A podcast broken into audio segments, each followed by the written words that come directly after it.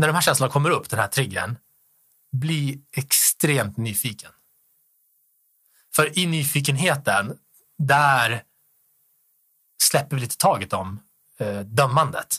För att dömandet kommer att jag tror mig veta någonting om dig och därför känner jag att det du gör är fel.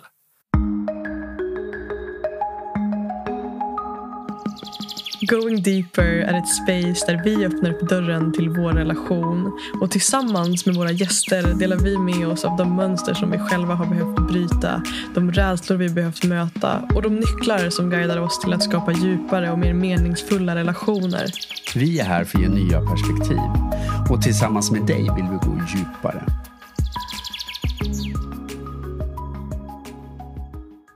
Veckans avsnitt av Going Deeper så möter vi Manuel Timane för ett samtal om de sex omedvetna psykologiska behov som ligger till grund för varför vi människor gör som vi gör.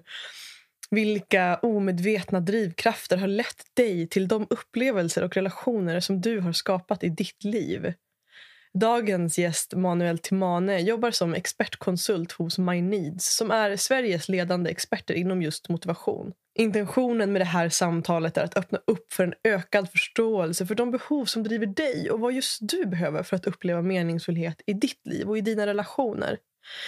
Vi tror att vi genom en ökad förståelse kring våra omedvetna psykologiska behov kan öppna upp för en ännu starkare kärlek för oss själva och på djupet verkligen förstå våra egna drivkrafter och vad vi behöver för att må bra. De behov som vi pratar om i det här samtalet är trygghet, variation, samhörighet, bidra, utveckling och signifikans. Och Min personliga upplevelse är att kunskapen om de sex omedvetna behoven och hur de driver mig har hjälpt mig att förstå på djupet varför mitt liv har blivit som det har blivit och hur det kommer sig att jag upplever lycka där jag upplever lycka och skav där jag upplever skav. Och Innan vi bjuder in Manuel till samtalet så vill jag också passa på att tacka veckans sponsorer som hjälper oss att göra det här möjligt. Tack till Stockholms ekologiska hälsobutik Gryningen som är min absoluta favoritplats att hitta det senaste och det bästa inom hälsosam mat, ekologisk hudvård och kosttillskott. För mig är Gryningen så mycket mer än bara en butik. Det är en plats för att hämta styrka och hälsa och ny energi då det alltid finns professionella näringsterapeuter på plats för att vägleda och inspirera mig. Med koden perspektiv15 så får du nu 15% rabatt på hela sortimentet både i butiken och i webbshoppen. Jag vill också tacka Relate som är den värderingsbaserade datingappen som erbjuder ett helt nytt sätt att mötas där du matchas med potentiella partners baserat på era gemensamma värderingar. I mina ögon är Relate den klockrena platsen för dig som längtar efter en meningsfull relation. Och Som lyssnare så får du nu en månad gratis premium medlemskap i Relate-appen när du loggar in genom länken som du hittar i beskrivningen till det här avsnittet. Nu, mina vänner, så har det blivit dags att välkomna Manuel till samtalet. Hej och välkommen Manuel Hej. till Mane till Going Deeper. Tack så mycket. Vad härligt att ha dig här. Det känns jättefint att vara här. Jag har laddat så här hela eh, natten märker jag. ja. så mycket liksom, hostattack på morgonen. Har du sovit i frågan? Eh, jag har sovit. Eh, det finns alltid utrymme för att utvecklas och kunna sova mera. Ja. Har jag insett. Jag blir nyfiken när du säger att du har laddat hela natten. Och då tänker jag så här, hur har du laddat? Men jag känner hur det, liksom, det vibrerar lite grann i kroppen och var taggad. Lyssnat på podden här igår och i morse. Ja, men liksom, låter undermedvetna jobba i förväg. Mm. Fint. Ja, men alltså, det här ska bli så kul och jag tycker det här känns extra pirrigt och spännande för att du och jag har ju faktiskt poddat det här är tredje gången vi poddar. Sen har vi gjort andra grejer ihop. Vi har ju spelat in liksom, olika typer av videos och grejer liksom, och hängt i olika meningsfulla sammanhang och skapat ja. grejer ihop. Um, och och jag är så tacksam för att jag har fått med mig kunskapen om behoven genom dig. Och att nu också få sitta här med Peter, att vi alla tre har det här samtalet känns väldigt meningsfullt för mig. Eh, också utifrån att just den här kunskapen som du har gett mig eh, har verkligen hjälpt mig att förstå mig själv och eh, mig själv i relation till just Peter. Då. Så det ska bli fint att få ha det här samtalet utifrån det, det perspektivet. Liksom, hur vi kan förhålla oss till behoven i just relationer. Och vi kommer ju gå in djupare och prata mer om vad det här handlar om och så vidare. Och jag vill också säga det att för mig har det också inneburit en otrolig igenkänning. Mm. Att förstå också och nu pratar vi om våran relation här men vi kan ju ta andra typer av relationer också och förstå. Och det jag märker när jag fick den här eh, kunskapen så var det ju också så här att det var många poletter som trillade ner hos mig. Att jag kunde förstå kanske varför andra typer av relationer, varför det gick som det gick. Ja. Eh, och jag kan också känna så här, oj att jag inte visste det då. Mm.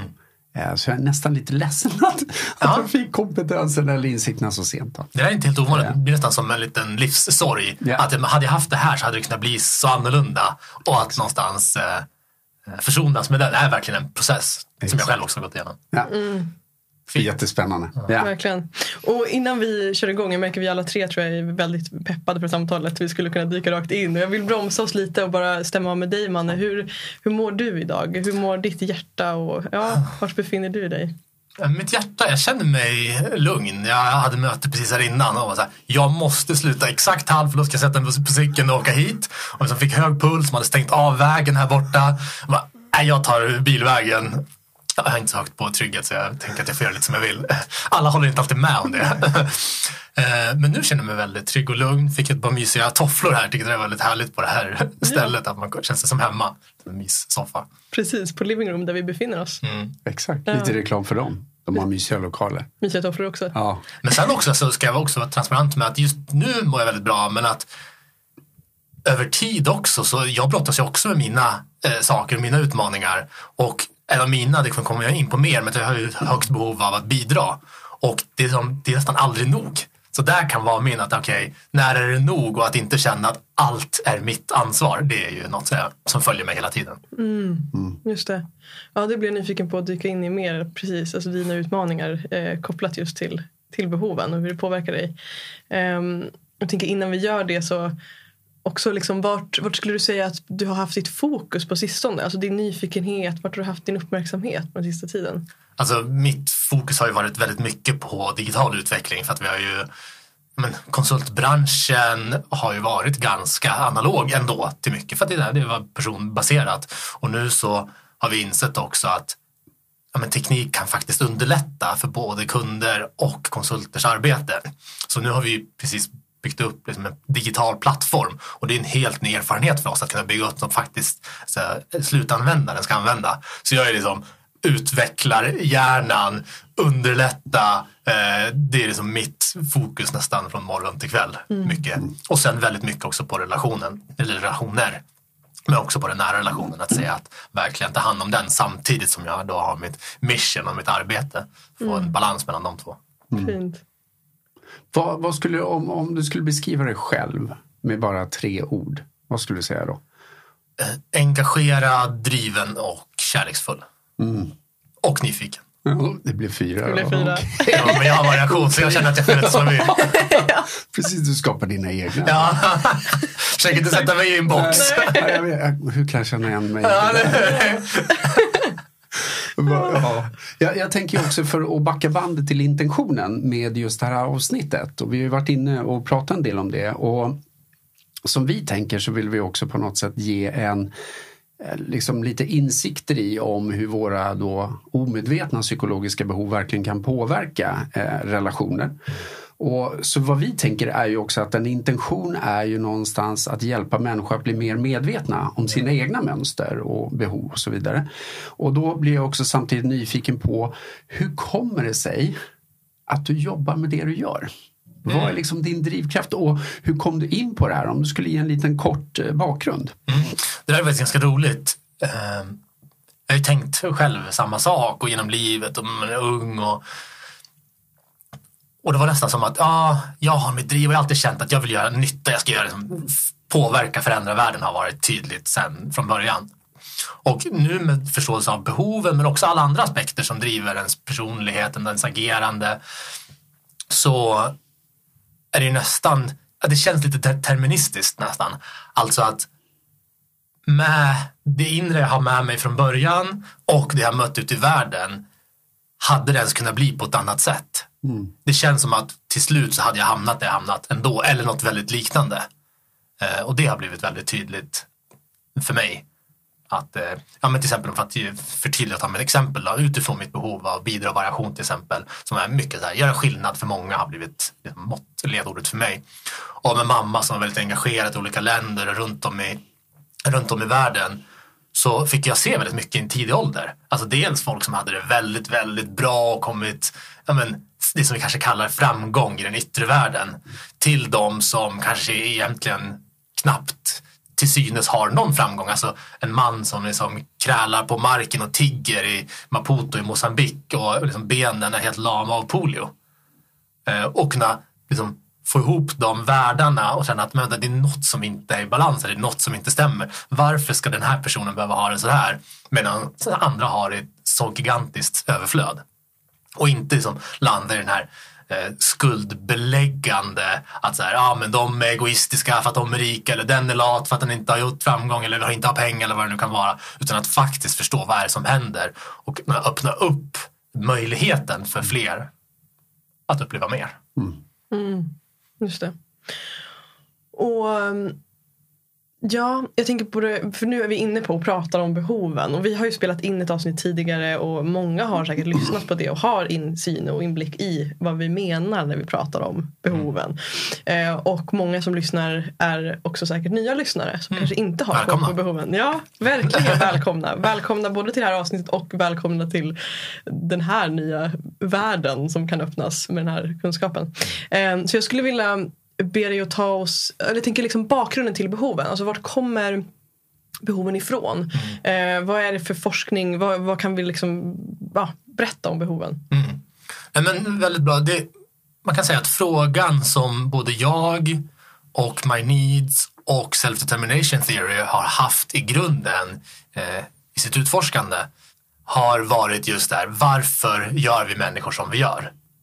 Och Eh, tittar vi då på mig själv har jag alltid varit nyfiken. Men det var dels frågan varför gör vi som vi gör men också varför blir det som det blir eh, för oss? Och eh, tittar vi då på My Needs så var det Desiree Rova som grundade My Needs. Hon bodde uppe i Umeå. Och då ställde frågan varför gör vi som vi gör? Och eh, då jag tittade på men vad fanns det för förklaringsmodeller på det här som verkligen förklarar det här till kärnan? Och det, den teori som vi kunde mest utgå från som var som starkast belägg för att kunna ta anspråk på att förklara det här var då self-determination theory eller självbestämmande teorin som den heter på svenska. Och det de utgick ifrån där var just tanken om att, eller teorin om att psykologiska behov driver vårt beteende. Och hur ser den kopplingen ut? Hur kopplas då behov till vårt välmående och vår prestation? Så att den internationella motivationsforskningen är, alltså det är den mest bevisade motivationsforskningen i världen. Det är över 30 000 eh, forskningsartiklar på det här, vetenskapliga for forskningsartiklar, över 300 000 citeringar. Så det är ett gigantiskt forskningsfält. Men det som var, är och har varit lite kanske överraskande eller mm. eh, det finns en stor möjlighet. Det var att det var inte lika mycket implementerat ut i, i världen, varken inom management och företagsvärlden eller i privatlivet och relationer. Och där fanns det ju en stor liksom, blue water-möjlighet av att kunna göra någonting väldigt spännande. Och tittar man då på den internationella forskningen så utgår de från eh, tre behov, eller behovsområden som det blir eftersom att vi tar ett steg eh, till. Då. Och där utgick de från autonomi, kompetens och tillhörighet. Och det de kom fram till var att då, då tittade de framförallt på, på grupper och team och såg att i grupper där de här tre behoven är uppfyllda, där mår man och presterar man bättre.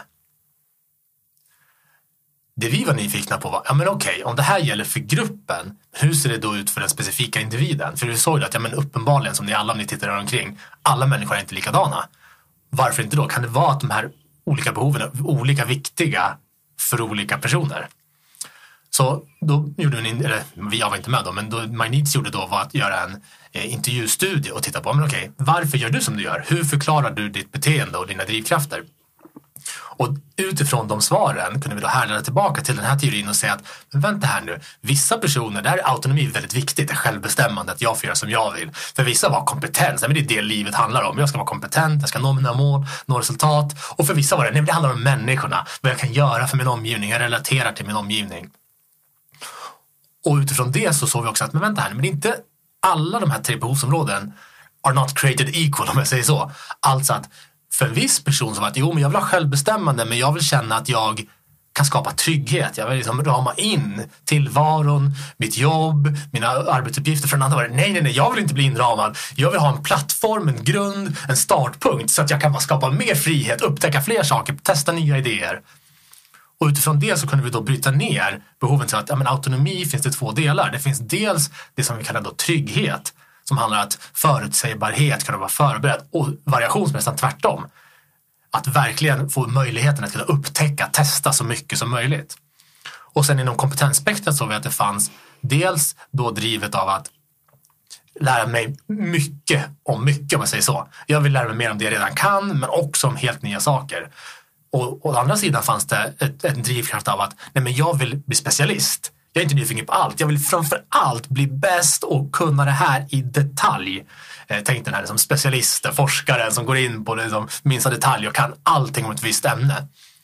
Och sen också inom tillhörighet såg vi att vissa var det mycket om människorna och gruppen. Jag har min grupp som jag umgås med, som jag tar hand om. Vi tar hand om varandra, vi vet vad vi har om varandra. Det är en emotionell koppling. Medan vissa var då drivna mer av det som vi kallar för bidra. Alltså att jag tittar på helheten, jag tittar på syftet. Vad är det som funktionen av det här? Vi går ihop, vi skapar en tribe för att göra någon nytta. Det är meningen med det. Sen har vi relation i det, men syftet är vad vi kan göra med relationen. Och det är så vi har utformat behoven och sen så utvecklar vi även en analysmodell som vi fick Vinnovas innovationspris för. Att vara den första som kan analysera omedvetna psykologiska behov. Och nu har vi då en analysmodell som gör att eh, jag och som ni också redan har gjort yes. kan analysera era egna behov och få veta exakt hur starkt är varje behov. Hur påverkar det hur vi förhåller oss till varandra? Och där är jag jättenyfiken på att bara höra från er. Vad, vad har ni fått för insikter av att förstå era behov rent konkret? För ni nämnde lite i början, men jag vill gärna bli lite mer konkret. Ja, jag kan börja där och jag ser ju på mina två, de två primära behoven för mig är då bidra och utveckling.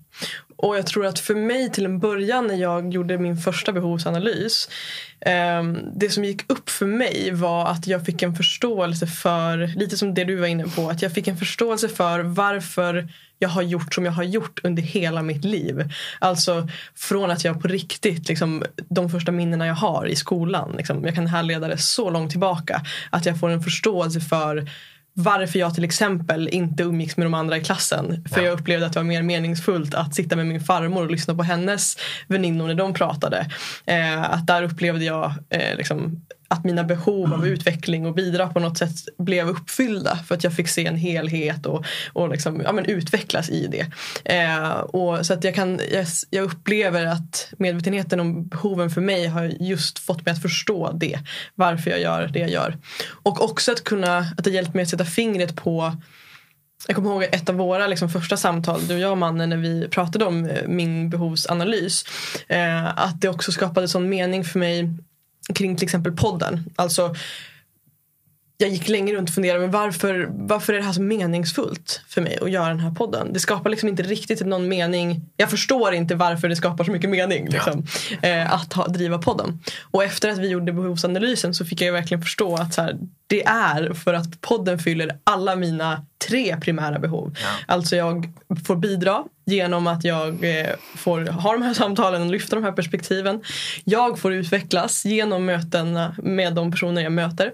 Eh, och även i, i, liksom, i min egen kommunikation. Alltså jag utvecklas på väldigt många olika sätt. Ja. Och det fyller också då mitt tredje eh, liksom behov av variation.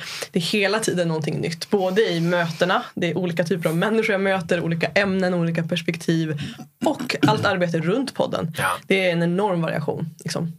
Så att det har skapat mycket mening utifrån den aspekten att jag har förstått varför jag gör det jag gör. Ja. Och nu då för att koppla det till just relationer så kan jag ju se att att det, det hjälper mig att förstå till exempel varför jag och Peter har mötts. Ja. Alltså varför är vi i relation och varför har det känts från första sekunden som att vi liksom, det går att kasta sig med alla möjliga klyschiga begrepp som soulmates och twin flame och whatever. Liksom, som inte skapar någon mening och bara blir en klyscha. Men, men att varför var det den där känslan av att vi så här, jag har hittat hem. Mm. Hur skedde det i en man som jag inte trodde att jag skulle vara i en relation med? Mm. Och att då utifrån behoven förstå att ja men vi är så jävla lika. jag skulle vilja stanna upp där bara. Du säger då med, med podden, där får jag utlopp för alla mina tre behov. Och behov kan låta ganska formellt. Jag vill bara Ja. också bekräfta att vad vi pratar om egentligen berättar inte för någon, men det är egentligen känslor. Det är Precis. känslor och triggers det här är. Och jag blir nyfiken då, vad, hur är känslan för dig när du får dina behov uppfyllda, till exempel då med podden eller när du fick sitta där med, när du var yngre till exempel. Hur känns det då? Ja, då? liksom. jag, nej, men jag, tänker om nu, jag skrattar för att jag vet att du, du brukar prata mycket om flow och, Mm. eh, och för mig så är det den känslan. Alltså att jag försätter mig själv i tillstånd av att det, det bara flödar. Liksom. Eh, det flödar inom mig på ett sätt som ja, men som skapar inspiration, kreativitet. Det öppnar ju upp saker inom mig som gör att saker och ting går lätt. Det är liksom det är här jag vill vara. Mm. Eh, så det är väl, tror jag, svaret på den frågan. Och sen så kan vi bryta ner det till massa andra känslor också. Ja. Lycka, välmående, Mm, eh, kärlek. Eh, liksom, jag känner mig sedd. Ja. Det finns ju många känslor i det. Men jag Ja. tror det övergripande är just att jag upplever flow och inspiration. Om du jämför det när du inte får behoven uppfyllda eller inte har förutsättningar att kunna Mm. få dem uppfyllda. Ja, och då är det ju mer att det skaver. Jag tänker på de arbetsplatser jag varit på Ja. till exempel. Där jag inte har fått utlopp för mitt, varken, ja, inget av de här tre behoven till exempel. Nej. Jag har suttit på en plats där jag inte själv har fått bestämma vad jag ska göra. Eller jag får inte bestämma över mina arbetstider. Jag får inte eh, bidra, jag utvecklas inte. Jag är i en stagnerad position. Liksom. Eh, att det upplever att jag, eller där upple- har jag upplevt då att jag ja, har mått fysiskt dåligt. Liksom. Ja. Ja. Det där är ganska kraftfullt om man säger så. Mm. Och jag tänker där också att eh, ja, men det är egentligen det det handlar om. Alltså, hur kan, kan vi göra för att kunna prestera och må bra? Och det är så fint att du får den tydligheten och kunna då ha ett språk för eh, ja, men, förutsättningarna för att Mm. kunna få det. Och det är också målet med det här. Jag upplever också att jag har fått en så mycket mer alltså förståelse för människor som jag tidigare kanske har eh, krockat med eller bara upplever så här hur kan den här personen agera så här? Hur Ja. kan han eller hon inte förstå varför jag gör det här? Eh, eller varför förstår inte jag varför han eller hon agerar som han gör? Ja. Eh, att jag också fått en förståelse utifrån den aspekten. Att jag kan, kan se på andra människor utifrån andra glasögon. Att Ja. det kanske var ett behov av samhörighet som talade där som jag inte alls förstår mig på för att Nej. det inte är mitt primära behov. Ehm, så att jag upplever att jag också har fått, eh, det hjälper mig att, att förstå andra människor på ett annat sätt. Och det var faktiskt en tanke som jag har haft med mig senaste tiden, alltså senaste halvåret kanske. Och det är just det här i mötet med egentligen oss själva och varandra. Så försökte jag, men okej, vad är egentligen processen där? Det här finns ju massa teorier om. Men det enklaste som jag har hittat för mig själv, det är just att, vi pratar mycket om, i alla fall i den här liksom personliga utvecklingssfären, ja men det är kärlek och man ska älska sig själv och du ska älska andra och det ska vara inte dömande. Men vänta, vad betyder egentligen allt det här? Och det jag är nyfiken på det är att vad händer om vi börjar med förståelse? Och att det känns som att vi ofta missar den. Vi tänker att nej men jag accepterar dig, jag älskar dig, jag... Men hur kan du älska mig eller acceptera mig om du inte Om du förstår inte mig? förstår vem jag är. Mm. Hur ska jag kunna... Alltså, hur lätt är det för mig själv att älska mig själv och acceptera mig själv om jag inte förstår varför jag är som jag är? Mm. Ja, jag får rysningar när du säger det. Ja, jag- Och jag håller verkligen med om den och den kan jag direkt koppla till för att jag gjorde ju eh, den här alltså My Needs-testen egentligen precis efter en separation. Mm. Och vad som gick upp för mig då, vad det gav mig var ju en enorm förståelse, kanske också varför det hade gått som det hade gått i den relationen. Men också en förståelse för mig själv. Mm. Som gjorde någonstans att jag landade och blev lite lugnare i mig själv. Ja. Eh, och också att se det som att, för mig blev det som att poletterna, eh, inte bara en utan flera, trillade ner. När jag började förstå att oj, det är därför jag har gjort de valen jag har gjort i livet. Och då hade jag extremt högt, jag hade 97 procent på utveckling och 92 procent på att bidra. Vilket är väldigt högt. Och sen 16, eller nej, 11 procent på trygghet. Ja. Det är ju och, och då tänker jag också det här att variation som eh, Madeleine också nämnde var högt. Det var ju mitt tredje. Och där hade jag typ 82 procent. Så att jag förstår ju varför jag har valt de valen jag har gjort i mitt liv när det kommer till jobb. Ja. Jag jobbar själv. Jag kan inte ens tänka mig på något sätt att vara i en anställning. För för mig är variationen så viktig. Ja. Och utveckling och att vara med och bidra. Ja. Och det var därför det passade så väl in eh, när Madde och jag möttes. Att det var nästan lite för läskig match. Liksom. Att det var, Och om vi tittar på procentuellt så var ju vi extremt lika. Eh, och det kommer jag till en fråga sen. För, för jag fattar ju att det kan ju vara bra men det lär ju finnas utmaningar i det också. Kan jag. Eh, ja, jag kan tänka mig det. Och framförallt så för mig landar det här också i någonting att jag tycker vi lever mycket i ett samhälle som är väldigt svart och vitt, alltså rätt och fel. Och det är ju inte vad det här handlar om utan för mig handlar det mer om att förstå att vi är olika och när jag tittar tillbaks på andra gamla relationer så kan jag förstå oj i den relationen så hade den personen mer eh, liksom, eh, fokus på trygghet och, och det är okej. Okay. Ja. Bara det att jag var inte där och det kan jag känna lite sorg över att inte jag förstod det. Eh, så att också igen det här med att landa i det själv ja. och vilka mönster det egentligen handlar om hos mig själv och vad jag kan göra av det framåt. Ja. För det är det här, jag, jag tänker på, jag önskar någonstans att mina barn fick det här ganska snabbt och mm. bara okej okay, vad har jag? Så att jag, jag kan hitta mig själv och landa mer i mig själv i det. Mm. Och se vad jag kan utveckla. Så tänker jag. Ja. Men då kommer jag egentligen till min fråga här. Ja. Med tanke på att jag och Madeleine är så pass lika. Mm. Eh, då tänker jag så här, vad tänker du utifrån relationsmässigt då? Vad är det för styrkor mm. respektive utmaningar vi har eftersom att vi är extremt lika då? Vad skulle du säga då? Mm. Vi kan ha. ja, ja, precis. Kan ha. Kan ha. Jag tänker några själv Nej, men jag, tycker, jag skulle nästan vilja ta tillbaka det om det är okej, okay, ett steg innan det. Bara, för det här är så roligt. Ni attraherade, attraherade ju in varandra i varandras liv först. Det var inte att du gick med en behovsanalys och du satt passar. upp den. Ja, men precis, jag gick in på jag vet inte, använde någon dejtingsajt eller så satt på en anslagstavla. Jag söker dig med exakt samma behov som mig. Och då kom jag. Ja, utan någonstans så attraherades ni till varandra. Och sen, sen fick ni reda på att men vänta, vi var ju väldigt eh, lika. Och det här är absolut inte alltid så, det vill jag bara förtydliga. Att det kan vara att man är helt i polaritet eller så är man väldigt lika. Det, det kan vara väldigt olika. Men just så här, är det slumpen? Eller hur kommer det sig att vi liksom attraherar varandra från liksom olika platser? Du är född i Umeå väl? Mm, ja. ja. och liksom du är i Stockholm och, olika, men, och ändå så bara hamnar man så pass nära i proximitet, närvaro varandra. Och sen slår man samman med, nu är det vi. Men den attraktionskraften den har varit så svår, eller jag skulle haft svårt att förklara den utan mm. det. Och jag har liknande i min egen eh, relation också, där vi också har väldigt lika behov och hur, hur vi kan se hur det påverkar oss.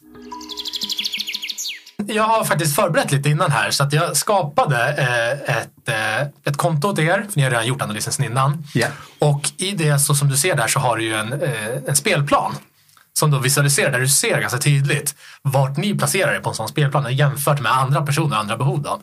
Och sen under där så finns det också en förklaring i text som beskriver utifrån ert team. Oftast är det här ett arbetslag kanske eller ett bolag. Men nu använder vi det här på er relation. Och där finns en beskrivning som beskriver eh, generellt då vilka utmaningar och styrkor ni skulle kunna ha. Tänk, kan inte du läsa upp där? Ska ja. vi se? jag har nu framför mig här och det här är spännande för nu går jag direkt på summeringen då. Ja. Eh, och summeringen säger då så här att vi motiveras av att bidra till ett, ett större sammanhang och att göra skillnad för andra. Vi ser ofta saker utifrån en helhet och värnar om att få ihop den röda tråden. Nu tittar jag på Madde här och vi nickar in väldigt instämmande i det. Vi motiveras av ständigt utve- att ständigt utvecklas och förbättras. Vi uppskattar eh, att arbeta efter mål och nå resultat. Vi uppskattar att lära oss nya saker. Definitivt är det någonting. Och ni lyssnare kan säkert, ni som har följt med höra, känner ni igen de här med Andra Peter i det här? Eller är det helt... Exakt. Och då kommer vi till potentiella styrkor. Att bidra då. Vi motiveras av att hjälpa andra, absolut. Vi ger väldigt mycket av oss själva. Ja, det känner jag också. Vi är duktiga på att se helhet. Ja. Utveckling. Vi är duktiga på att komma i mål. Vi gillar att lära oss nya saker. Vi är sakliga. Potentiella utmaningar. Oh. Inga, står det. Noll. Noll. Potentiella utmaningar. Inga. Ni är perfekta. det står bidra. Och det här är spännande. då. Vi kan hjälpa andra för mycket. Vi kan ha svårt för att ta emot hjälp. Den kan jag säga ja på direkt. Vi kan ha svårt för att underhålla relationer över tid. Utveckling. Vi tenderar att ha höga krav på oss själva vi kan glömma bort att inkludera andra i resultatet och vi kan ha svårt att se tillbaka i tiden då fokus ständigt är på nästa steg. och ditt team har låg nivå på trygghet. Risken med det är att vi glömmer göra en noggrann riskanalys som kan leda till förödande konsekvenser. Så nu, nu var lite fräck här och Ja, det det. eh, gav dig en möjlighet att kunna svara på din egen fråga. Om du vill prova det då. Ja. Hur väl svarar det här på frågan om... Våra utmaningar, jättebra tror jag. Eh, och styrkor, för det är, någonstans så känner jag verkligen igen mig i det här. Och det är väl det också, jag tror en bit i det här när det kommer till relationer också att känna, jag har ju något behov av att känna mig förstådd och jag har förstått att hela livet, det är därför jag jobbar med det jag gör, att eh, hjälpa människor att förstå varandra bättre och så vidare. Och det bottnar ju i att jag vill känna mig förstådd. Och är det någonting jag känner också i eh, relation med Madde är ju att jag känner mig enormt förstådd. Får jag fråga där, för jag blir nyfiken. Yes. Eh, känner att du, vill, känner att du blir- förstådd? Eh, vad vill du bli förstådd för? Vad är det folk missförstår eller Jag tror du vilja att de ska förstå? jag är och för vem jag egentligen är och var, varför jag gör saker. Att Mm, just det. Varför jag gör grejer. Varför du gör det. Ja, Mm. För att jag tror ibland kanske folk kan uppfatta att jag är egoistisk när jag egentligen vill förändra världen för mina barn ska ha en bättre värld att leva i. Och det kanske inte alla kan se. Alltså, Det där låter inte helt självklart. Varför, varför ser det ut som egoistiskt när du försöker göra nytta och Nej, hjälpa det, andra? jag tror att det är för att jag fått höra det någon gång. Eh, för att jag tror folk inte riktigt kanske förstår. Eh, och jag säger folk generellt här nu då. Eh, några kanske inte riktigt har förstått varför jag gör saker. Eh, och där ibland, och jag minns eh, min, eh, mina föräldrar sa vid något tillfälle när jag hade gått ut eh, universitetsutbildningen och jag hade liksom en fin ekonomi. Ja men nu kan du få ett fint jobb och tjäna mycket pengar. Jag bara, men det vill jag ju inte. Mm. Jag vill skapa mitt eget jobb och vara med och förändra världen. Ja. Eh, Jag vill skapa ett jobb med hög variation. Det fattade jag inte då. Eh, Men det var ju det jag ville. Eh, Så att igen, jag tror att det, det handlar väldigt mycket om att, eh, som du också var inne på, att faktiskt förstå varandra först. Och det här är ju verkligen grejen som jag brukar kalla det för en smartphone för relationer. Alltså just den ska underlätta för oss och våra relationer. Och just de här missförstånden för att om du gör någonting så ser jag bara vad du gör. Jag ser inte varför du gör det. Och vi vill ju bara fyll- uppfylla våra behov. Det är inte ont eller gott utan det beror ju på ofta hur, det, hur vi eh, recenserar efteråt. Utan du känner att jag vill göra nytta. Och det är ju något väldigt fint med den intentionen. Men om jag då känner till exempel att men du fokuserar ju bara på alla utanför och glömmer mig, om jag är jag din bästa vän. Du är alltid borta, du är inte ens här. Hur kan du säga att jag är viktig för dig och att du liksom menar gott när du bara tittar på alla andra? Och där är det liksom missförstånd liksom, Exakt. mellan till exempel en person som har starkt på samhörighet. Ja. Så känner att det handlar om våran relation här och du är borta och tittar på alla andra. Exakt, och försöker förändra världen. Och det känner jag mig själv också för jag är också högt på bidrag, lätt missa det. Ja. Det visar också en skuggsidor, vad man också kan tänka på. Då kanske jag behöver aktivt liksom, schemalägga eller lägga fokus på vännerna. Att liksom, ja, se till att göra, ta det där samtalet, ta den där, bjuda in till den här middagen även om det inte kommer upp spontant. Jag har så mycket viktigt att göra här. Exakt. Framförallt jag tänker det utifrån, alltså, jag tänker där kommer vi in på kanske en, en kommande, ett kommande tema också i samtalet. Alltså hur kan vi göra när vi är i relationer med människor som har andra behov än oss. Till exempel familjemedlemmar eller Ja. eh, som vi kanske inte själva har valt. Och jag tänker då att till exempel som du är inne på Manne, att om en person med samhörighet Alltså som säger att ibland kanske vi med be- behovet av att bidra behöver faktiskt agera på ett annorlunda sätt än vad vi kanske naturligt hade gjort. Ja. Och där tänker jag, jag tar din och min relation Manne som exempel. Eh, där vi båda har ett, eh, ett högt behov av att bidra och utveckla, eller utveckling. Eh, och där jag upplever, jag har hela tiden sedan vi eh, träffats känt eh, som att du är en nära vän till mig. Eh, och nu när vi fick till den här träffen så insåg jag också att du och jag har kanske aldrig umgåtts eh, på ett sätt som inte innefattar att vi skapar någonting av, alltså men, av mening eller att vi Som har ett högre syfte. som har ett högre syfte, syfte precis. Eh, och jag upplever, nu har vi inte pratat om det här innan, men jag upplever inte att det finns ett skav i vår relation för att någon av oss går runt och eh, liksom, kanske har andra behov som inte fylls eller att vi inte ses på en fika en gång i veckan. Eller, Ja. Utan vår relation är ändå, eh, liksom, ja vad ska man kalla det? Eh, jag känner mig ändå nära dig, ut, även om vi inte ses varje, dag, eller varje vecka på en fika. Ja. Ehm, och just att i vår relation funkar ju det. Att vi båda går på de behoven för att vi har så lika behov. Men Ja. om du var en vän som till exempel hade ett högre behov av samhörighet eller trygghet så kanske jag skulle behöva agera som du säger Ja. och bjuda ut dig på en fika en gång i månaden för att möta det. Så att vi skulle kunna ha den här vänskapen. Så det blir också det blir ett tydligt exempel för mig hur det kan vara i en vänskap till exempel där vi har liknande behov och hur vi kanske behöver agera när vi inte är så lika. Och det här förklarar ju också alltså, varför vi lätt, alltså, vad är det man säger, lika barn leka bäst. Ja, det kan man väl diskutera. Lika barn leka ganska lätt i alla fall, kan man säga. Och att vi söker oss ofta till personer som fungerar ganska lika som oss själva. Just för att ja, men du tänker som jag. Men då kan man också fråga sig, men hur spännande blir det? Eller om vi är på en arbetsplats, hur bra blir det? om alla fungerar likadant. Till exempel, jag ser ju, alltså, det kostar miljontals kronor för bolag för att de inte tänker risk. Och då säger de att, jag, har coachat dem många gånger så här, men vi tänker risk. Ja, utifrån då till exempel då utveckling bidra. För då räcker det att jag har gjort det, nej men jag har sett över riskerna. Och sen så kostar det, har man en, liksom en, en olycka som händer eller du bara missar saker som gör att det kostar kanske liksom 10 miljoner. Jo, men det där är sånt som händer. Ja, men om du hade lagt några tusen kronor, några timmar på det här så kanske du hade sparat liksom, miljontals kronor. Hade det varit värt? Jo, men det vill jag ju såklart. Jo, okej, så vilka ska vi nu rekrytera in där? Ja, men vänta, jag måste ju rekrytera in någon som har andra behov, som ser andra saker än vad jag gör. Som tänker, som verkligen motiveras av att tänka kvalitet, tänka trygghet, tänk, alltså tänka få ihop teamet. Och det är här vi får en, en användning, en nytta och kan se nyttan med olikheter. För det har man hört så mycket. Ja, men det är bra att vi är olika, jag gillar olika. Jo, absolut, men varför? Är det något som verkligen gör nytta? Annars kommer vi inte göra det lika mycket. Jag, blir, det här, jag tycker det är superspännande och vill, jag vet inte om jag utmanar det här lite men en tanke jag får det är också det här när vi sitter och pratar om alltså vad vi har för intentioner. För vad som skulle vara spännande är ju om jag tänker så här familjer eller där två träffas för att bilda en familj. Då är jag ju nyfiken om man har för mycket lika behov eh, och ska skapa en familj, är det, vad händer då tänker jag? För, eller kan det vara som så att föräldrar när man ska skapa en familj egentligen ska vara olika? Alltså, jag har inget belägg för det här, jag är bara Nej, nyfiken på det. verkligen. För att det är igen, eh, nu när Madde och jag träffas så känner jag så att vi, vi brinner mycket för gemensamma, vad vi vill skapa och liksom nu är jag med i podden och vi vill skapa och förändra världen och utvecklas och så vidare. Men om vi har fokus på att skapa en, och bygga en familj, vad händer då? Alltså, är det skillnader då som är mer...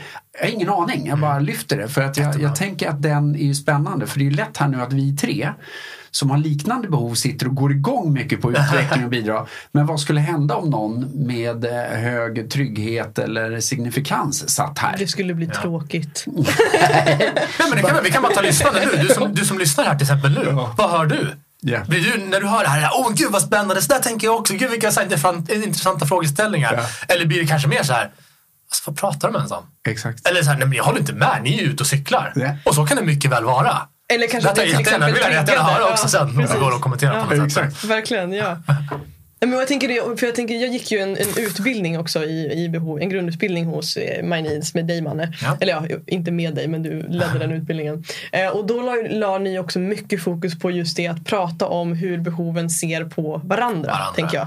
Och det för mig var nästan den största behållningen i den utbildningen. Att här, lära mig att förstå hur samhörighet till exempel ser på mig. Ja. Jag har till exempel fått höra av, av min mamma, nu vet jag inte om, eh, hej mamma om du kan jag säga det här. Men jag vet att hon har sagt någon gång ehm, och jag, jag tror att mamma, jag, hon har inte gjort en behovsanalys, men jag, jag tror att hon kanske har ett högre behov av samhörighet än mig till exempel. Och där jag fått höra att, eh, att jag är lite hård när det kommer till mina vänner, vänskapsrelationer. Ja. Att jag kan snabbt eh, släppa taget om vänner. Ja. Eh, och att eh, jag tror att där är jag och mamma ganska olika. Ja. Eh, och, och nu efter att jag har gått utbildningen så har jag förstått att, att det är ju någonting som hon säger utifrån behovet av samhörighet. Medan jag då till exempel som har ett högre behov av bidra eh, har lätt att släppa taget om vänner när jag inte upplever att de fyller ett syfte. Och det kan ju låta, jag hör ju det när jag säger det nu, om jag tittar på mig själv och lyssnar på mig själv utifrån samhörighetsbehovet så låter det ju så jävla drygt. Men om jag hör, lyssnar på mig själv utifrån bidra så skapar det jättemycket mening. Exakt. Så den tycker jag är spännande. Jag, jag inser när jag sitter och lyssnar också, och för, på tal om röda tråden och mitt behov av helhet, så tänker jag så här att nu är vi igång väldigt mycket och pratar om det här. Eh, och om du skulle beskriva de här sex behoven, för jag inser att vi slänger oss med samhörighet, signifikans och så vidare. Men vi har inte riktigt beskrivit exakt, Mm, lite, definiera. bara kort att definiera. Om du går igenom Mm. Ja. de sex olika behoven och bara kort definierar så tror jag att våra lyssnare också kan känna igen. För nu, vi är ju själva, vi är igång så här. Vi är Och grupptänkande. Exakt. Vi som har läst det här sen innan, liknande behov. för att backa bandet så Ja, att lyssnarna också kan få med sig. För att jag inser själv när jag slänger mig med signifikans och samhörighet. Vänta, har vi ens beskrivit vad det handlar om? För det kan vara självklart för oss men det är inte liksom alla klart för alla där ute. Så Mm. att eh, om vi backar bandet till det. Ja, men absolut, vi kan börja med trygghetsbehovet då, som mynnar utifrån eh, området av eh, autonomi.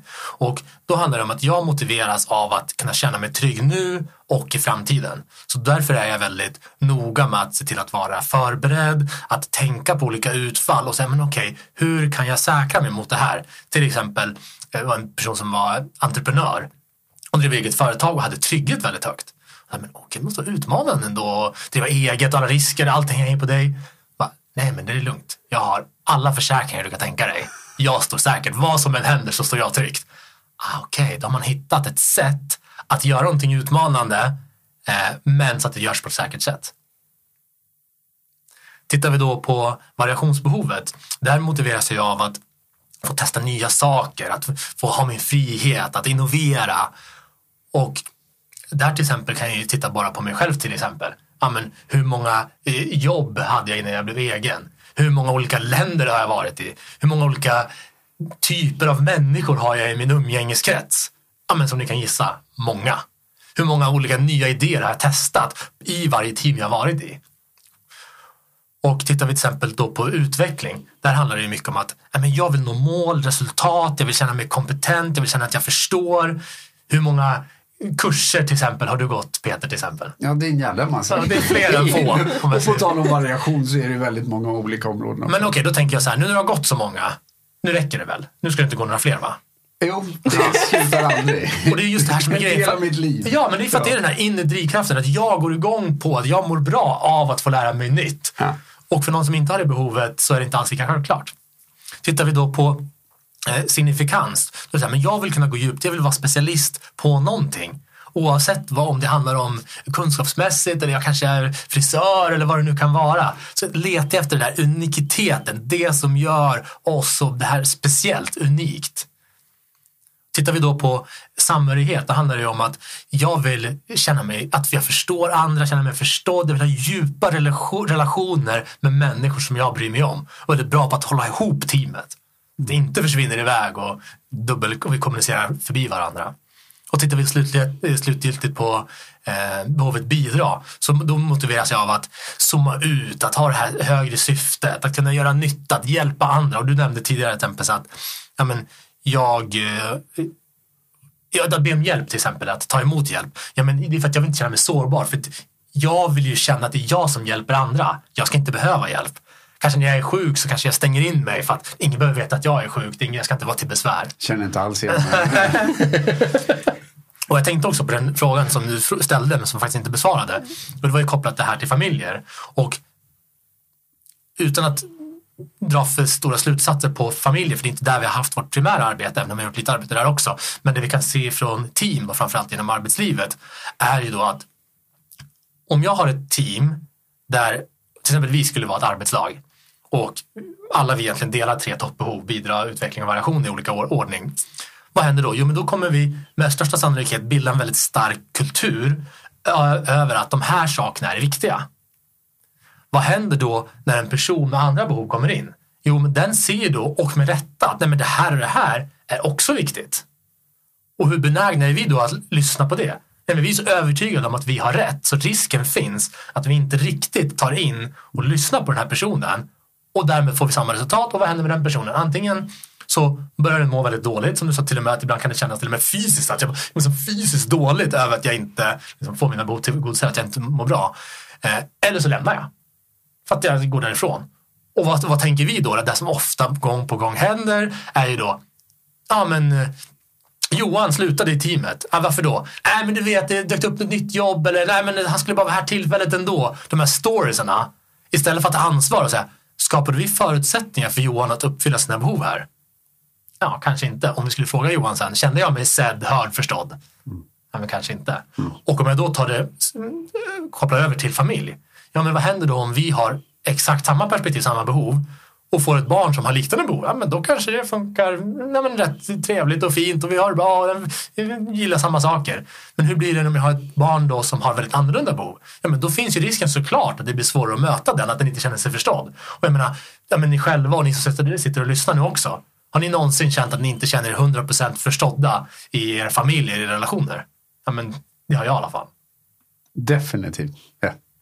Och det här ser vi också utifrån vilka behov som är vanliga generellt. Att personer som då har behov som är mer vanliga känner sig oftare förstådd, mer förstådda och ofta att de är lika andra. Medan de som har väldigt behov som då inte alls är lika vanliga känner sig oftare missförstådda.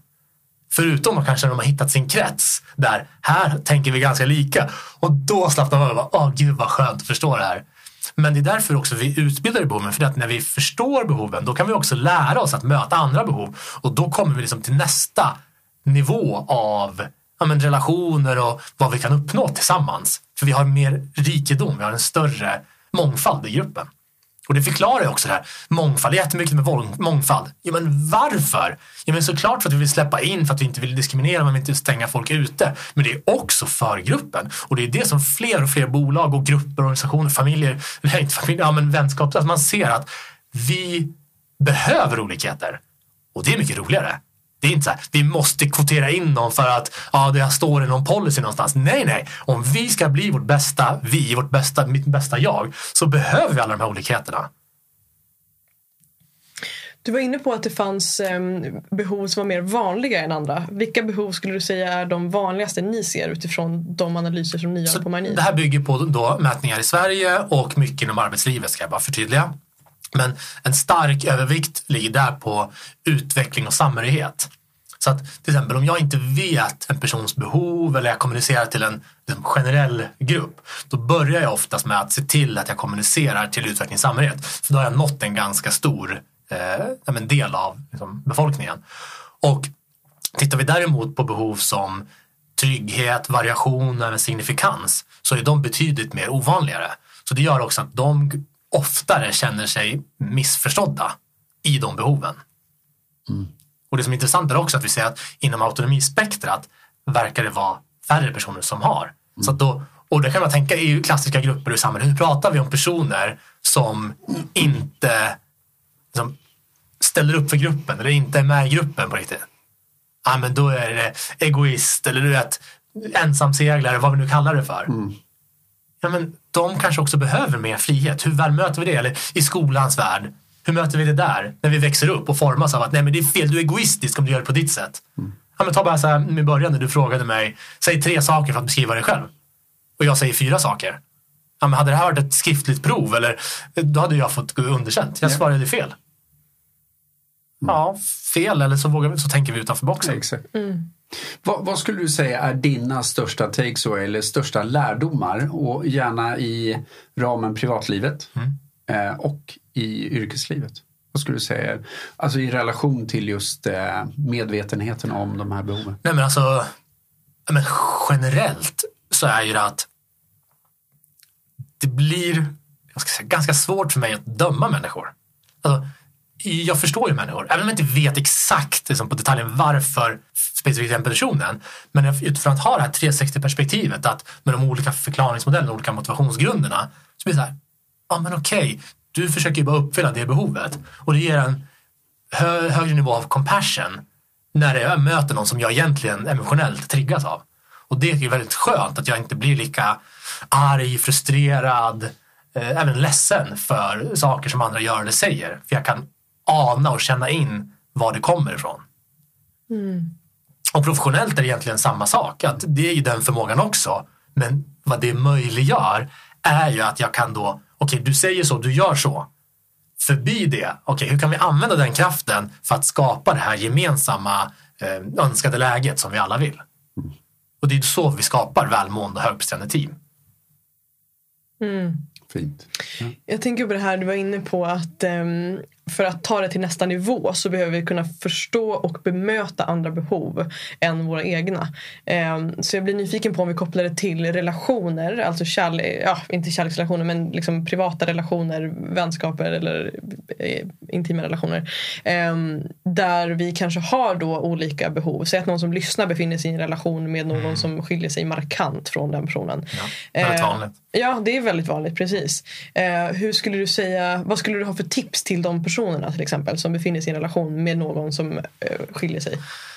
Alltså mitt första och kanske enda tipset jag känner jag ger här som jag tycker man kommer väldigt långt med det är Ofta blir vi kanske arga, ledsna, frustrerade, känner oss svikna, missförstådda.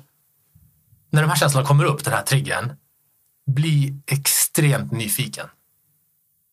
För i nyfikenheten, där släpper vi lite taget om eh, dömandet. För att dömandet kommer att jag tror mig veta någonting om dig och därför känner jag att det du gör är fel. Om jag då, väntar, jag är nyfiken. Hmm, varför gör du sådär? Och inte bara nyfiken, ja jag är nyfiken. Och du förklarar, ja men det där var inget riktigt skäl. Utan så här, på riktigt, vad skulle jag göra om Jag var otroligt nyfiken på att verkligen till grunden förstå dig. Dig som person, som människa, som själ. Som liksom, eh, där tror jag man hittar mycket. Sen om det, vi använder behoven för det eller vi tittar på värderingar eller på beteenden. Men verkligen så här, ge den nyfikenheten. För återigen, jag kommer tillbaka till det som vi pratade om från början. Där. Om jag inte förstår dig, hur kan jag då acceptera och i längden kanske älska dig? Precis, på djupet liksom. Och, på samma, och om du känner dig förstådd i relationen, kan det vara så att din partner också ibland också känner sig missförstådd? Jag skulle gissa på det. Finns det något behov som du ser det som sticker ut och som kanske kan vara mer utmanande när det kommer till relationer? Kanske en svår fråga, men om, om du ser att det är, och du får gärna ta om det baseras på personlig erfarenhet eller vad du tolkar och tror. Men finns det någonting du skulle säga så här, ja men det här kan nog, och det här är då utmaningen? Alltså det vi ser är att alla behoven har liksom sina utmaningar. Och det är det, just att så här, för det är lätt att vi hamnar i hierarki och liksom uppåt och neråt. Vilken har svårare, vilken har lättare. Men någonstans, det vill säga att det, vi får inte ut så mycket bättre av det. Vill vi skapa ett välfungerande, välmående team eller familj, det är inte det som gör skillnaden. Skillnaden blir av att förstå vad är just dina utmaningar och dina styrkor? Och där ofta har jag gjort det med ganska kul, för oftast känner folk själva det när jag har gjort en återkoppling till exempel. Och frågar, men skulle du vilja by- byta ut dina behov då? När vi har gått igenom utmaningar. Så här, Nej, absolut inte. Skulle du vilja byta ut något? behov? Aldrig i livet. Alltså jag älskar mina behov, jag älskar mig själv. Alltså det är underbart att vara jag. Och ibland är det utmanande. ja. Jag blir nyfiken på din, dina, mm, alltså om du ser, eh, liksom, om du tänker på Manne eh, innan medvetenheten om behoven i dina relationer Ja. eh, kontra Manne efter medvetenheten om behoven Ja. i din, ja, dina relationer eller din relation som du nu har Ja. nu. Vad skulle du säga är den största skillnaden är? Alltså jag skulle säga att, för om vi pratar om då behoven igen, eh, jag brukar använda metaforen av en bil. Det är bränslet. Och vad som händer oftast från början, det är att vi liksom, som barn känner då den här viljan att göra någonting, det är en impuls. Och beroende på då hur försiktig eller kör påig jag är så agerar jag ganska direkt mot känslan. Medan sen med erfarenhet, men vänta, när jag agerar på det här sättet då ser jag att jag får det här resultatet. Och då börjar vi lära oss, men vänta här nu, jag kanske inte alltid ska agera på känslan direkt utan jag kommer på att jag kan hitta andra strategier. Så att det som har hänt för mig är att ja, det hände precis just det. Först så förstod jag inte mina drivkrafter eller vad jag ville. Och långt innan behoven så förstod jag ändå, okej, men det är det här jag vill. Men då fick jag höra från omgivningen att nej, det ska, så ska du inte vara. Så ska du inte tänka. Nej, gör absolut inte sådär. Du ska göra så här. Och då var det nästan en motkraft att jag, nej, och kanske i min variation också, mina starka autonomi, att nej men då gör jag det på mitt sätt. Jag kommer inte ens berätta för dig vad jag ska göra. Alltså jag har åkt jorden runt, alltså det är utan att berätta för min familj. Sen ringer jag därifrån. Festen, jag åkte till andra sidan jorden och jag kommer stanna här kanske någon månad. Ursäkta?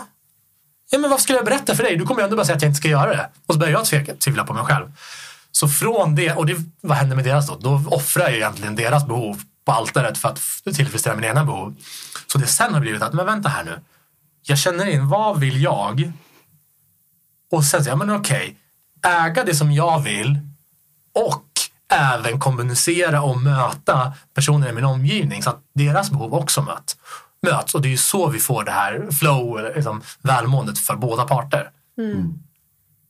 Jag blir nyfiken när du berättar det för att jag tänker ju också på min familj och så tänker jag så här att när jag växte upp och även i vuxen ålder så har jag känt mig väldigt mycket som eh, liksom den udda eller udda fågeln. Eh, den som egentligen inte riktigt hörde hemma på något sätt när jag fick kännedom om det här så började jag också förstå att oj, vi är ju väldigt olika mm. och det är helt okej. Okay. Men hur var din egen uppväxt? Var, var du svarta fåret eller var, var, hur var det för dig? Hade du liknande människor runt omkring dig, syskon? Jag har ingen aning om din familjesituation, men för mig så kände jag mig ofta liksom, mina drivkrafter var något helt annat ja. än övriga i min familj.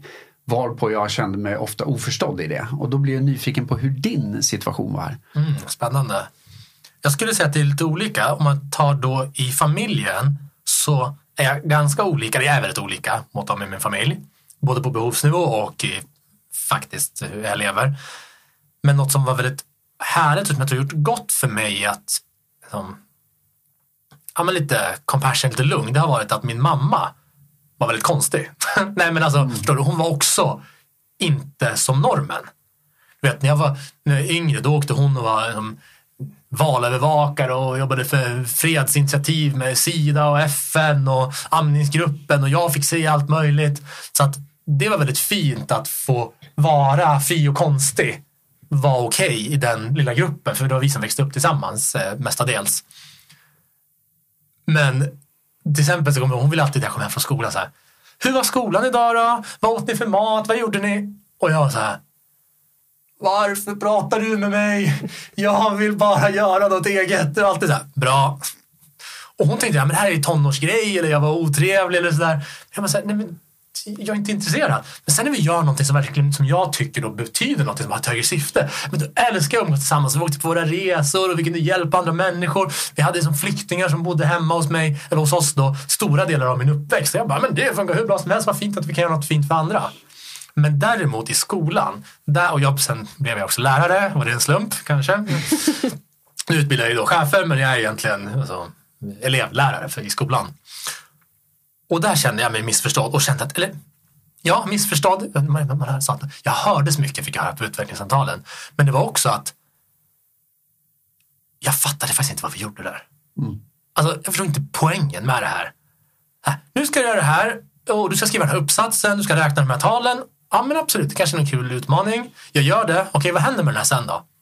Jag ska sitta med en röd penna och säga åt dig hur många fel du gjorde enligt min och skolans då, eh, perspektiv.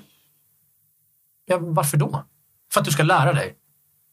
Men varför ska jag lära mig? Vad är nyttan med det här? Så att jag kände alltid så här, nej men om jag ska skriva en debattartikel, ja men då vill jag ju publicera den. Om jag ska bygga någonting, då ska det vara något som någon ska använda. Om jag ska räkna ett tal, då vill jag ha användning av det. Och då blir jag superintresserad. Och det som hände då, att det var nästan alltid så att jag hade ganska svårt att ta mig igenom de första nivåerna. Och på min tid var det G och VG, nu är det väl kanske E, D och C-nivå. De, för det var så här traggla, man ska kunna detaljer. Sen kom det på analysnivå, applicera på världen och där, så jag kommer ihåg på till exempel nationella proven i matte, där fick jag ju jättehögt på de högsta alltså MVG-frågorna. Men jag harvade med liksom G-frågorna. Så det är verkligen så att just eftersom att vi alla går igenom skolan är det en hjärtefråga och vi jobbar också med att försöka få in det här på lärarutbildningen så har vi kontakter ute så är vi väldigt intresserade av det också. Men att just hur kan vi göra så att alla känner sig förstådda så att alla får utlopp för sina drivkrafter och får komma i kontakt med sin superhjälte. Mm. Mm. Ja, det där med skolan det är ett helt annat ämne. Och det, det, det väcker också mycket. Tror jag vi alla tre kan tycka. Ja, men det väcker mycket liksom. Och det, jag känner igen mig i den känslan som du beskriver eller om jag kopplar det till hur det var för mig när jag var elev i skolan. Att jag aldrig heller har fått presenterat för mig alltså vad är intentionen med varför jag gör det här eh, i skolan. Och jag upplever att jag tänker att det kanske inte ens i nuläget går att ha en sån förväntan eftersom att jag tror inte att lärarna själva Nej. har någon aning om varf, varför eleverna ska lära sig. Utan det är mer en, ehm, ja, det är en principsak. Liksom. Nej men alltså ingen kan ju det här, det är det som är grejen. Men det är det som jag tycker blir så, det blir så viktigt nu när vi vet det här. Precis som du sa, att ja, men i, i historien kan jag känna så här, oh, men gud varför kunde jag det innan? Jag önskar att jag hade haft det här tidigare. Visst, men nu vet vi det nu. Så vad gör vi med det här från och med nu? Och det är inte så att jag vill inte, för absolut inte att liksom lasta lärare, jag är själv lärare, liksom, jag har ingen int- intresse av att, utan det är mer så här, eftersom att vi möter i princip alla unga människor som växer upp så är det viktigt att vi där, vi där har tillgång till de bästa verktygen. Och det är lika viktigt på sjukhus, fängelser. Jag har ju själv jobbat på ungdomsfängelser till exempel och ser att, men vänta, hur väl möter vi de här personernas behov? De har ju själva uppenbarligen haft destruktiva sätt att uppnå sina behov på. Här behöver vi verkligen rätt eller hjälp att kunna hitta mer konstruktiva sätt att uppfylla sina behov. Och det är egentligen det syftet är med det. Kan jag säga. Och just det, kom ihåg, bra att komma ihåg också att det finns liksom inga dåliga eller bra behov.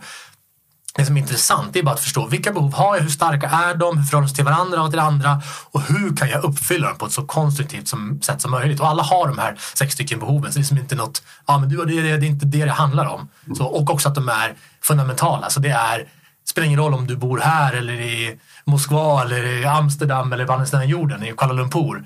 Vi har alla grundläggande psykologiska behov och vi kommer hitta likheter och olikheter inom de grupperna. Och det är bra att du säger, för att är det någonting jag verkligen gillar i relation med Madeleine, det är också att vi kan prata om. För jag tror att, att lyfta saker och prata om, låt oss säga variationsbehov, hur tar det sig uttryck? Vad har vi för behov i olika områden? Och det är ju någonstans, eller när det kommer till bidrag, men, ja, men nu känner inte jag att jag gör något meningsfullt. Vad, vad behöver jag eller vi göra då? Att lyfta det till den nivån, att verkligen kunna prata om det. Ja. För jag tror också att, att konstatera att vi har olika behov är en sak, men hur tar de sig uttryck? Ja. Och hur får jag mina behov tillgodosedda? På vilket sätt? Vad behöver jag göra? Vad behöver andra göra runt omkring mig?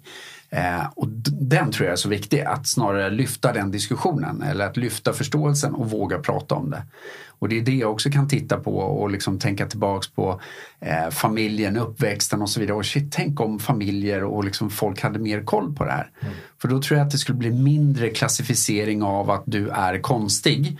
Mer bara att vi är olika. Och det är väl det jag tror hela världen behöver mer av. Att se att vi, vi är olika, ja. Och det handlar inte om att det är fel för det. Utan vi är, alla är lika mycket rätt, det är bara att vi har olika behov och olika, vi är olika. Eh, Där finns det en ganska intressant, tycker jag själv i alla fall, som, ja, min tanke. Men att prat, jag hade ett samtal med en eh, freds och konfliktforskare i Uppsala. Eh, och då pratade vi en del om det här med aktiv och passiv fred. Alltså vi pratade, ja men det ska vara fred i världen, vill ju alla ha. liksom. Eh, Men vad är fred? Jo, men att det finns då passiv fred som är att vi har inte en aktiv konflikt. Vi gör ingenting för att skada varandra. Men sen finns det också aktiv fred, det är att vi då konstruktivt gör saker som förbättrar för oss båda. Alltså vi kan bygga upp någonting, något förbättras.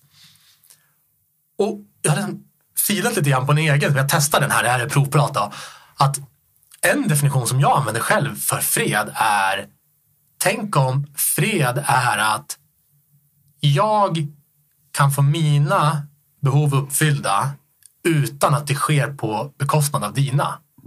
Och med, åt andra hållet samma sak. Du kan också få dina uppfyllda utan att det bekostnad av mina. Och då är det ju spännande eftersom vi sitter här och pratar när det pågår fullt krig i Europa och Putin har, in, ja, han har gått in i Ukraina och så vidare. Vad skulle du säga, vad, vad tror du om Putins eh, primära behov? Vad är hans? Har du gjort någon psykologisk analys? Jag, jag, väntar med att göra psykologiska analyser på honom. Jag, jag, jag, känner inte honom så. Men jag kan säga att, återigen det vi pratade om tidigare, tror jag, du som frågade. Eh, vad gör jag i en relation om jag känner mig missförstådd? Eller jag känner inte förstånd andra. Ja, men börja med väldigt nyfiken. Så det jag har blivit i det här och försöker fokusera på och komma tillbaka. Det är inte alltid lätt för att känslan drar igång och stå upp för det som är rätt och när det är så mycket lidande. Men att så bli otroligt nyfiken.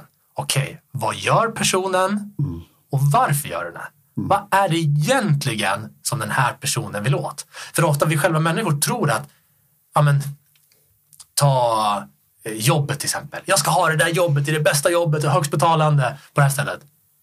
Okej, när du har fått det då? Vad, vad händer då? Jo, men då kommer jag känna mig eh, trygg för att jag kan försörja för min familj. Då känner jag att jag äntligen har är ett sammanhang där jag kan känna mig förstådd. Eller då känner jag att jag har nått rätt nivå. Eller då kan jag göra en skillnaden för att jag sitter i den rollen. Och det är egentligen det jag vill åt. Jag hade egentligen kunnat uppfylla det på ett annat sätt. Så där blev jag väldigt nyfiken och också titta på i, också i, i nivåerna. Att så här, men okej, vad vill ledarna?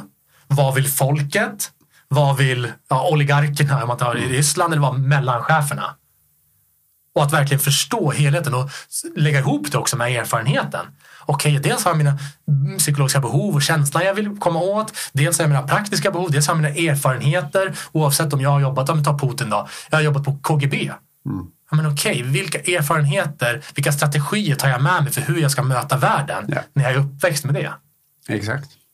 Och vilka presuppositioner har jag med mig som vi pratade mycket om tidigare. Just vilka förantaganden, vilka, vilka värderingar har jag med mig från min tidigare erfarenhet. och, och också då när vi tittar då, för det är så lätt också att så här, ja, men, döma och säga, ja, men du är så, du är så här. Men så här, har vi verkligen förstått den här människan?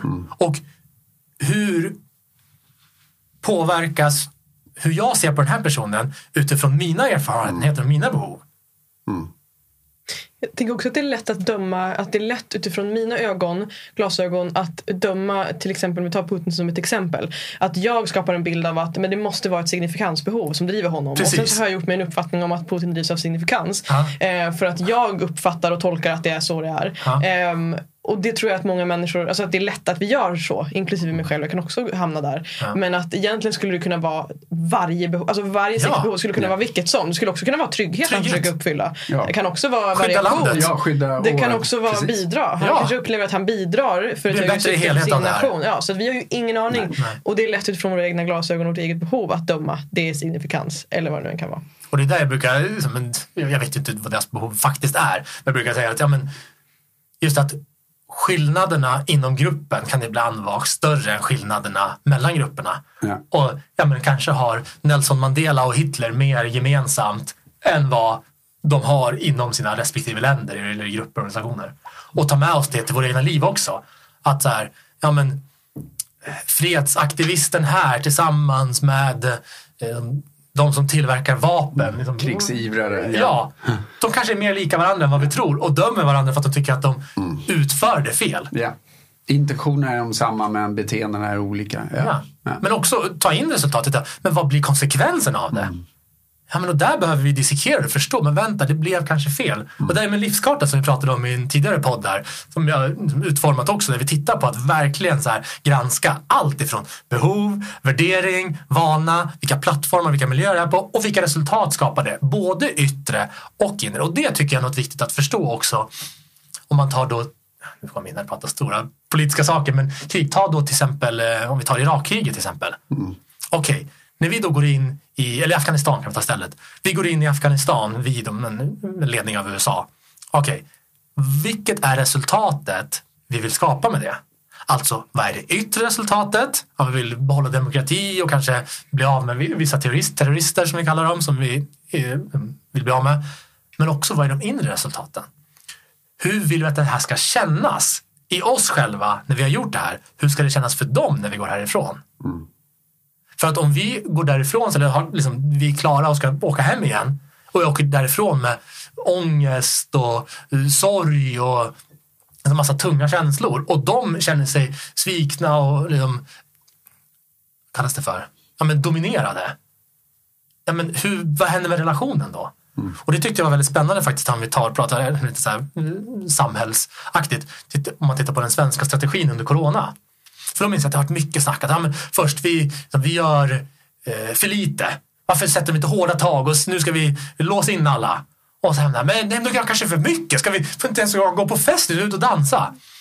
Och då pratar vi väldigt mycket om handlingen. Okej, har vi hårda restriktioner har vi inte det. Men det jag skulle titta på också det är långsiktigt. Om vi nu tittar på andra exempel, ta då ja, men Sydkorea, Kina, USA, där man har haft hårda restriktioner. Då tittade vi ja, ah, men okej, hur många döda, hur många smittade blev det av det här beslutet? Absolut, det är intressant. Men man kan också fråga sig, vad händer med relationen? Vad händer med relationen mellan medborgare och ledning efter de här aktionerna? Tänk bara dig själv, ja, men, och de kontakter jag har också både i Sverige och utomlands. Ja, men, egna företagare i USA till exempel som fick i princip höra att du får inte bedriva din affärsverksamhet. Jag har inget det är min inkomst, det är så jag matar min familj. Medan här i Sverige idag, på rätt eller fel, så kunde jag fortsätta leva ganska mycket som förut och vi fick ta de konsekvenserna som blev. Men då kanske jag känner att, eller det jag sett är att Jo, jag kanske inte håller med regeringen, men jag har inte tappat förtroende. Det är inte att jag är rädd för det och tänker att okej, okay, nästa gång något händer, då kommer ni använda tvångsmedel mot mig. Mm. Och det där tänker jag också just med i relationer, med barn också, barn och föräldrar. Vad händer när vi tar till de där hårda medlen? Inte bara direkta resultatet, vad händer med relationen, med känslan till varandra? Mm. Mm. Ja, och framförallt också, eh, och inte kanske för att glida långt bort från det här, men också att lyfta hela tiden till helheten. Vad skapas det för resultat i hela systemet? Ja. Inte bara det man väljer att göra och fokusera på. Ja. Och då tänker jag, för att gå tillbaka hit igen, att, att någonstans så tänker jag förståelse och att kunna lyfta saker och prata om det men också lyfta det från olika perspektiv. Ja. Det är ju egentligen vad det här också handlar om, att verkligen vilja förstå. Och som du också var inne på, det här med att vara nyfiken. Mm. Det är det jag tror är lösningen på väldigt mycket. Och kanske inte vara allt för snabb och döma. Nej. Och det är ju precis vad det här handlar om också, att ibland känner jag så här att när jag blir oförstådd är ju för att kanske någon är så snabb att döma utan att förstå. Ja. Och det är det jag tror vi behöver sträva mer efter. Att, att mer gå till att lyfta till, okej, okay, jag förstår inte dig nu men istället för att jag är så snabb att döma dig för att du gör fel så är jag nyfiken på varför du gör som du gör. Vad är det som ligger där bakom? Vad är det som döljer sig där bakom? Och det är det jag också tror att om vi kopplar tillbaks till eh, Sveriges eh, liksom, coronastrategi och inte och så vidare. Den har ju blivit mer hyllad i andra länder än i vårt eget land och så vidare. Alltså, och igen, allt beror ju på vilket perspektiv vi tittar på och vi, varifrån vi kommer. Ja. Och det är därför jag verkligen älskar det här med våra psykologiska behov för att det verkligen ger helt andra och nya perspektiv och en annan förståelse. Och vi kan titta på det. Och, där, och jag vill, två saker jag vill nästan ta upp i det här. Det var faktiskt för länge sedan som jobbade jag på Barnens ö som en sommarkollon. Och då hade jag eh, även tre eh, unga herrar då som kanske inte var de mest eh, socialt liksom, kompetenta personerna. Och så var det, var det disco och de var jätteblyga. Liksom, hur ska jag ta kontakt med någon? Och, eh, ja, men du vet, tjejer och killar och kärleksrelationer och allt sånt där. Så då slutade det med att jag satt och hade en liten föreläsning ute på... Jag började med att prata med en person, sen kom nästa. Bara, det här var intressant. För de har liksom aldrig lärt sig hur jag skapar kontakter och förhåller mig till nya människor. Så då i stunden så skapade jag en modell som jag liksom höftade utifrån eh, non-violent communication. Just det. Och då är det eh, tanken om observera, imitera, agera. Och det här är egentligen hur vi lyssnar. Alltså att Börja med, om det är något du är intresserad av, ta då, de var intresserade av tjejer då, till exempel att, ah, men, om det är en tjej du är intresserad av, börja med att observera. Okej, okay, börja där. Satt och antecknade nästan. Liksom. De bara, ja men okej, okay. men, hur pratar den här personen? Vilka umgås den med? Vad tycker den här personen är roligt? Ja, ja okej. Okay. Sen när du har gjort det, alltså egentligen förstått eller du tror att du förstår. Ja, men jag tror, vi tar till exempel om jag tar dig då Peter till exempel. Jag tror att du älskar att utveckla, att lära dig nya saker och hjälpa andra människor. Okej, okay. men nu tror jag, jag har en idé, jag har en tes om man liksom, forskningstänket. Jag har en tes om vad jag tror att du tycker om. Då vill jag ju prova den, så då kan jag imitera. Alltså spegla kallas det för också. Okej, okay, Peter, gud vad roligt att vi, och, och ser det liksom. Eh, jag hittade den här eh, kursen som jag tycker verkar vara jättespännande. Har jag förstått det rätt om, om du tycker det är väldigt roligt att lära dig nya saker och kunna hjälpa andra människor? Har jag förstått det rätt då? Just det. Ja. Ah, jag tycker också det här är superroligt. Jag funderar själv på vilken kurs jag ska gå. Jag är inte riktigt bestämt mig så jag skulle jättegärna vilja få, få tips liksom, på vad du tycker om du vill dela med dig av dina kunskaper. Ja. Och här börjar vi bygga rapport med varandra. Mm.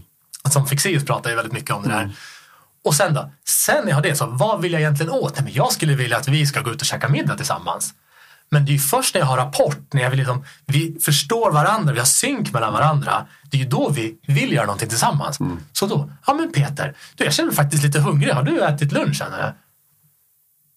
Har du ätit lunch? Ja, nej. men jag vill gärna äta med dig. Du vill? Ja, men gud vad trevligt! Ja, men liksom, här skapar vi kontakt. Och jag menar, hur mycket smärta kommer inte av att vi inte känner att vi kan skapa relation med dem vi skapar relation med. Oavsett om det är en kärleksrelation, en businessrelation eller vad det nu kan vara. Mm. Mm. Och sen det andra jag vill ta upp också som kopplat till det du sa, det var det här med att titta på helheten. Och helheten älskar ju de som har bidrar behov högt att prata om och jag med själv. Men hur lätt är det egentligen? Det är ju komplext att hantera en helhet och just att hantera komplexitet. Och där är det väldigt kul nu när vi äntligen har kunnat digitalisera det här. För vad som händer då, för exempel, tänk att du är, eh, Madde till exempel, du är vd eller ägare för en stor, stort bolag eller koncern. Ja, men, du har ju tusentals medarbetare, du har minst tiotals eh, team att, att förhålla dig till, det är olika nivåer. Du behöver ju kunna se det här visuellt, annars blir det jättesvårt för dig. Hur ska jag komma in på morgonen till ett team? Jag kanske ska ha ett fem, tio timmes möte med en grupp som jag inte känner. Och direkt kunna kommunicera så att de här blir engagerade och blir delaktiga och blir taggade på våra gemensamma mål. Så där går egentligen att göra digitalisera och det känns jätteroligt att kunna göra det nu. För det har varit väldigt svårt. Och bara compassion för alla er chefer och ledare där ute. Det är inte ett lätt jobb. Mm. Och ofta så här, ja, men bli chef, någonstans har vi ja, lite grann har det varit så att men du är duktig på ditt jobb, nu kan du bli chef. Medan att vara chef, att leda, det är ju ett eget hantverk i sig. Och där behöver vi bra liksom, verktyg, de bästa verktyg vi kan få för att kunna leda och stötta andra, att hjälpa dem att uppfylla sina behov. Mm. Ja, fantastiskt. Jag inser att tiden börjar rinna ut i sanden. Inte rinna ut i sanden, den börjar den rinner iväg. um, och det är dags att börja avrunda. Jag tänker för de som vill gå djupare i det här och mm. lära sig ännu mer. Vart kan de vända sig? Vad rekommenderar du, Manne? Det lättaste är bara att gå in på hemsidan på myneeds.se Eh, och där så kan man klicka sig vidare, klicka på logga in eh, eller på kom igång helt enkelt blir det för er som inte har konton. Och där kan ni logga in, göra er egen behovsanalys. Du kan testa eh, och leka med funktionerna i förväg nu. Du kan även ta det till ditt bolag och registrera ditt bolag och säga men jag vill förstå mitt team bättre. Jag förstår hela mitt bolag bättre. Jag kanske börjar med någon person, gör en enskild analys eller så startar jag liksom ett, ett abonnemang och kör att nej, men vi vill kunna göra det här, jobba med det här löpande hela tiden. Du kan även testa om du vill med ett team också. Dels vill vi förstå behoven så att vi kan uppfylla behoven, men vi kan också mäta och se vilken behovsuppfyllnad har vi idag? Där har vi skapat en motivationsundersökning som ni kan göra kostnadsfritt med ett team direkt. Det tar tio minuter för medarbetarna att svara på det och så får ni direkt en, en, en, eh, en ögonblicksbild av hur mår egentligen våra medarbetare just nu utan att behöva göra en jättestor liksom, undersökning. Mm. Det kan ni komma igång med direkt. Det finns liksom ingen... Ni har ju själv också fått kika lite grann på plattformen hur det fungerar. Ja. Mm. Om det är någon där ute nu som sitter så här, oj jäklar, det går upp för mig nu att i vår relation så har vi helt olika behov. Vad är ditt tips för den personen som bara inser det nu? Bli nyfiken. Väldigt nyfiken. Och vill du ha verktyg för att liksom, ja, ta hand om den nyfikenheten så har vi, kan vi få hjälp med behoven genom My Needs och det finns ju också jättemånga bra verktyg där ute för att förstå olikheter mm. och förstå varandra bättre. Fint. Och Manne, om du fick möjlighet att nå hela världen för 30 sekunder, vad skulle du då vilja förmedla? Jag vet att en del, ganska många, i alla fall i mitt umgänge, gillar inte riktigt det här ordet. Eh, och jag har hört många gånger hört sägas hope is not a strategy. Och alltså hopp är inte en strategi. Och jag håller med om det. Men jag tror också att det finns en, ska inte säga en övertro, men det finns en stark tro till strategier. Det är strategin som kommer göra skillnaden. Och jag tror att strategier behövs, men vi behöver också känna liksom känslan av att det kanske är möjligt. Så att hopp är egentligen det jag vill. Och just vad jag har sett i det här, att nu kan vi på ett bättre sätt förstå varandra och, nästan vem som helst när vi vågar gräva djupare. Så att det är väl att det finns hopp, är det mm. jag tror. Fint. Det betyder inte att det säkert händer, men det ger oss en chans. Ja. Och då är det upp till oss att välja, är det värt att försöka eller ska jag bara luta mig tillbaka på soffan och hoppas på det bästa? Mm. Fint. Hopp. Yes. Jag tänker så här, vi har pratat om massa spännande saker. Och samtidigt undrar jag, finns det någon fråga som du önskar att vi ställer till dig nu? Bara för att försäkra oss om att vi har fått liksom det du tänker är viktigt. Är det någon fråga du skulle vilja att vi ställer till dig nu för att garantera att du får säga det du har velat säga? Jag skulle säga att det jag för er skull då, vidare tittar vi på er, eh, att ni frågade skulle vara Finns det hopp? Hur kan, vad, ja, men finns det hopp? Ja eller nej? Check. Nej men vad, eh, vad skulle vi kunna göra för att uppfylla våra egna och varandras behov? Då frågar jag, vad skulle vi, tror man, eh, kunna göra för att uppfylla våra egna och varandras behov? Bli nyfikna. Oerhört nyfikna på varandra. Och inte tro att man vet allting från början. Och där vill jag faktiskt lägga till också att för er som, du frågar det här med olika behov, hur det blir relationer. En utmaning som kan bli, eller som en, en risk, det är när man har väldigt lika behov så är man så lika och det är därför man har liksom dragits till varandra och man förstår varandra väldigt bra. Men risken finns också att vi tror också att vi har förstått varandra. Så att inte, inte gå i den här eh, ja, men där vi tror att vi har alla svaren. Utan fortfarande, trots att det är så lika, våga observera, imitera, agera. För annars blir det lätt dömande ändå. Och missförstånd. Ja. Det är en fin påminnelse, verkligen. Yes. Tusen tack, Ni är liknande, ni är inte samma person. Nej. Nej, exakt. Va? Tusen tack, Manne, Tack så för den här tiden. Så värdefullt. Tack till dig som har varit med oss här idag. För dig som vill gå djupare i det här ämnet så vill jag varmt rekommendera vår onlinekurs Åtta insikter för djupare relationer. Där vi ägnar en hel lektion till att prata om de omedvetna psykologiska behoven. Jag vill också påminna om dagens sponsorer som gör det här samtalet möjligt. Tack till Relate och Gryningen för att ni är med oss här idag. Gryningen är Stockholms ekologiska hälsobutik som är min absoluta favoritplats för att hitta det senaste och det bästa inom hälsosam mat, ekologisk hudvård och kosttillskott. Med koden perspektiv15 så får du nu 15% rabatt på hela sortimentet både i butiken och i webbshoppen. Och eh, Skulle det vara så att du längtar efter en meningsfull relation då vill jag varmt rekommendera datingappen Relate där du matchas med potentiella partners baserat på era gemensamma värderingar. Och I mina ögon är det här ett alldeles underbart sätt att skapa förutsättningar för att skapa en djup och meningsfull relation. Som lyssnare så får du nu en månad gratis premiummedlemskap i Relate-appen när du loggar in genom länken som du hittar i beskrivningen till det här avsnittet. Tack till dig som har varit med oss idag. Vi är så nyfikna på hur det här landar i dig. Vilka tankar, insikter, frågor och kanske till och med triggers väcks inom dig.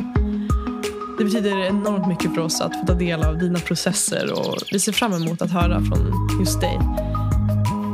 Skulle du vara intresserad av att gå ännu djupare och fortsätta det här samtalet så har vi också skapat en Facebookgrupp för att samlas och connecta. Och du hittar den genom länken som finns i beskrivningen till det här samtalet. Ett annat sätt att hjälpa oss att sprida samtalet vidare och att hjälpa oss att vara en del i att skapa en mer nyfiken och öppen värld är att posta det här på din story och helt enkelt visa att det här är perspektiv och samtal som behöver lyftas. Än en gång, tack till dig som är här med oss.